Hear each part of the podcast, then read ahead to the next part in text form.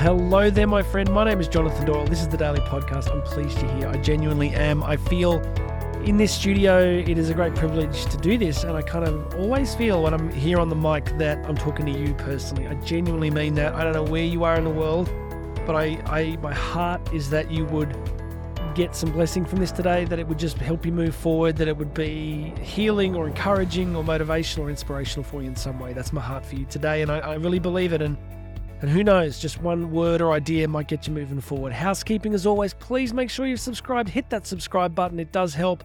Share this with people. Uh, website, jonathandoyle.co. Everything about me is on that website, and you can find me at Instagram, jdoylespeaks. Well, here I am. I'm in the studio. It's the last uh, episode I'm recording today. I had a great day surfing this morning, which was just a blast. I actually, ah, so excited. I got back and I ordered a new surfboard. the voices made me do it. It's just like, anyway, uh, look, I turned 50 and I'm like, you know, I could get hit by a bus. And, and do I want to die without a new surfboard? I don't know. I don't want to take the risk. I just want to be sure. So, friends, uh, it is a great privilege. We're going to do this last quick show for you here. And um, I want to talk to you about problems. I want to talk to you about problems because one of the things that unites you and I is that we both have them. And the people in your house have them, and the people you work with have them, and everybody has them. And the quote that I want to share with you today is this Everyone has problems. The biggest problem you th- is thinking, the biggest problem is thinking you shouldn't have any problems. So, first thing, often in life, when things are difficult, we can labor under the belief that it's unfair.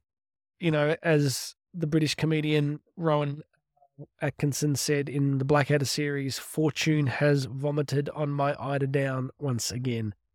Look it up.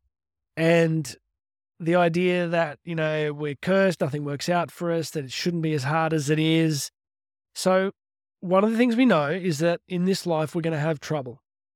We're going to have difficulties. We're going to have problems. So, the first thing that we want to remind ourselves of is whatever problems we have in our life right now, we're part of the human family and we all have them and we want to conceptualize what these problems in our life are doing.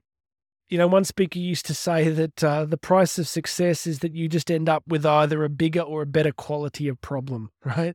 So you could be living, you know, really in difficult financial circumstances and you got problems. You could be a billionaire and you could still have problems. Like it doesn't matter. Like I remember years ago, one of our prime ministers did an interview. This is going back a long time, many, many years ago. And it was because one of his kids struggled massively with heroin addiction.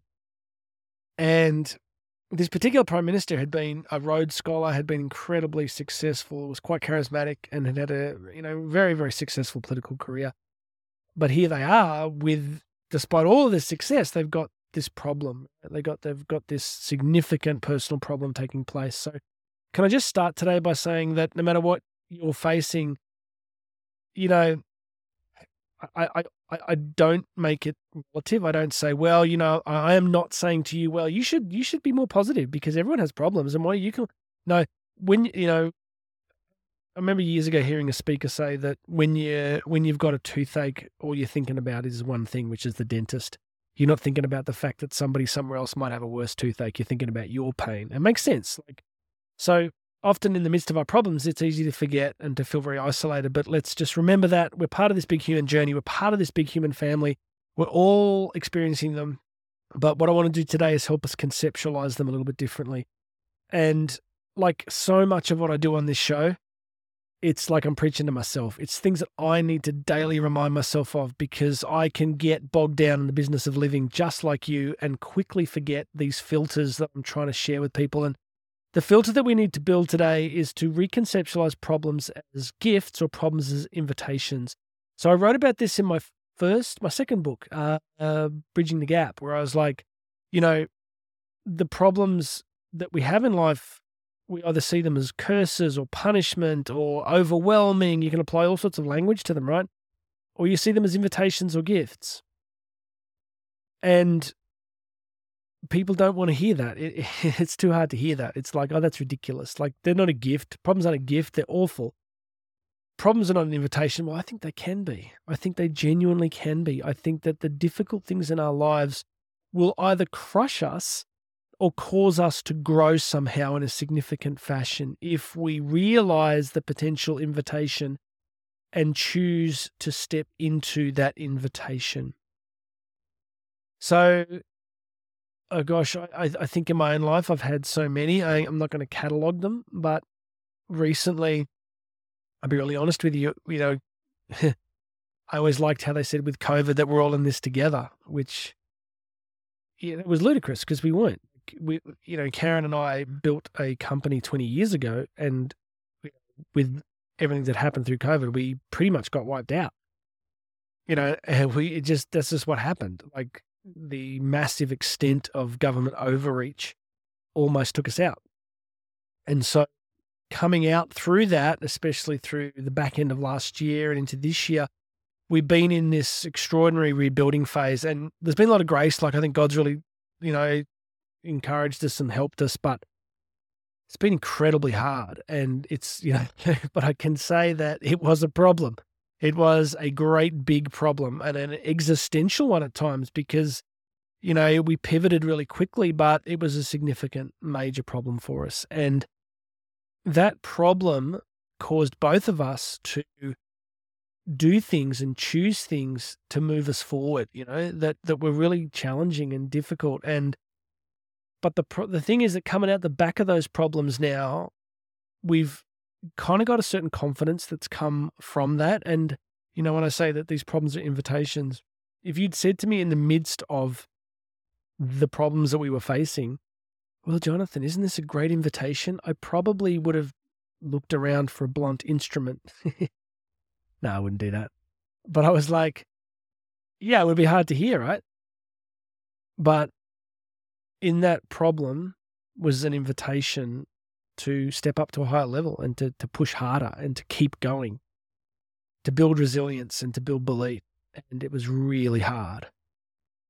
Um, some of you know that one of our kids was diagnosed with a very serious condition, which they're going to be dealing with the rest of their life. And that took place like last year.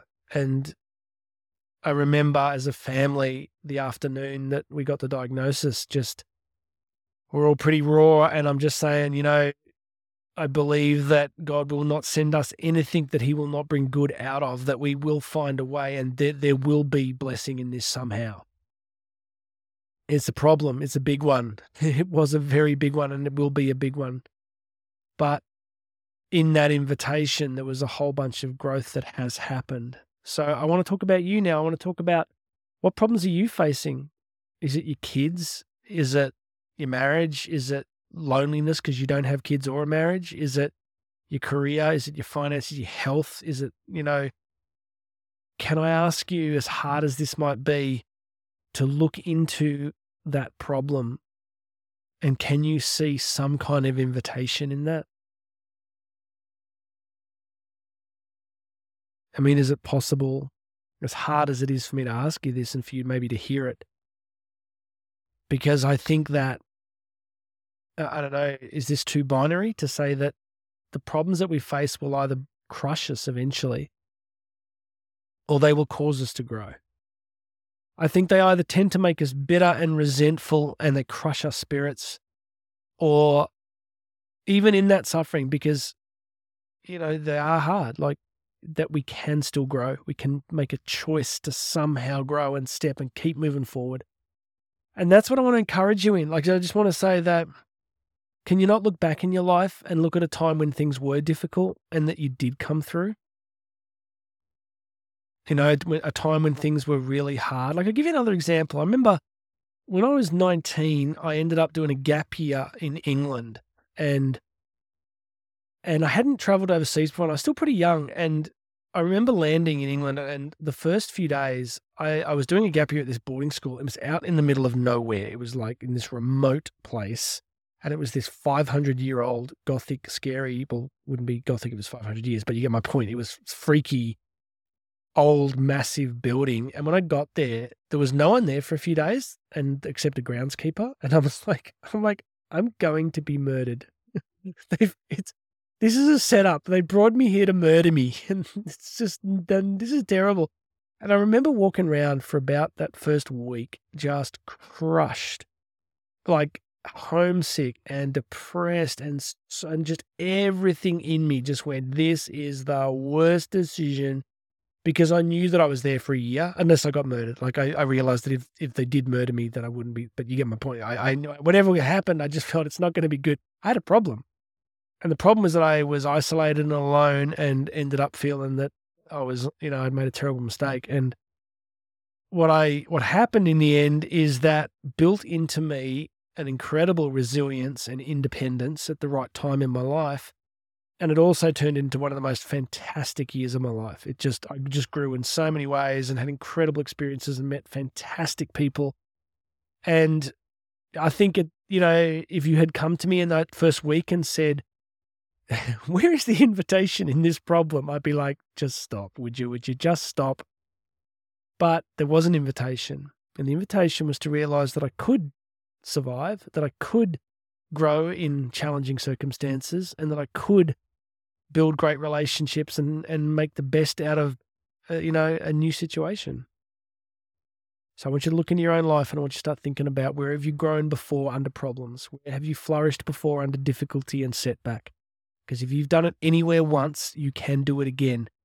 The human species, my friend, is insanely resilient. Like it doesn't look like that a lot of the time, but you know, who are the people that inspire us? Like, can you imagine going to a movie where it's like, you know, you go to a movie and it's like, it's a movie. Let me see. How, let me see how I go with this. It's like a movie about an accountant who misplaces a spreadsheet, and the whole movie is about them feeling sad about the missing spreadsheet, and then they find it again at the end of the movie, and they're like, "Oh, I found my spreadsheet," and someone at the office says, "That's great." Like, I'm sorry, if you had to sit through a two-hour movie like that, you would be like, just someone shoot me. Like, no, that is not a story that would be engaging for you.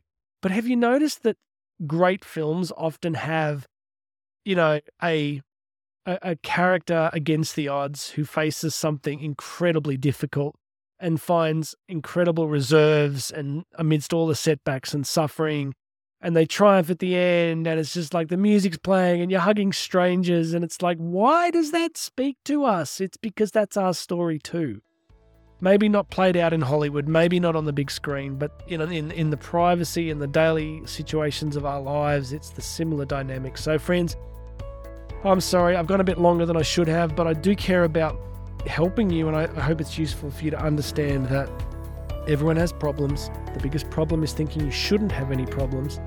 And the realization that these problems are invitations and these problems are gifts because they either break you and make you bitter and resentful, or they will force you to grow and make empowering, courageous choices. And I think you can do it. All right. Please make sure you're subscribed. Come and find me on Instagram, J Doyle Speaks. One word, J Doyle Speaks. And uh, everything else on the website, jonathandoyle.co. Book me to speak, consultancy work. It is all there. Come and say hi through any of those channels. My name is Jonathan Doyle. This has been the Daily Podcast. God bless you, my friend. You and I are going to speak again very soon.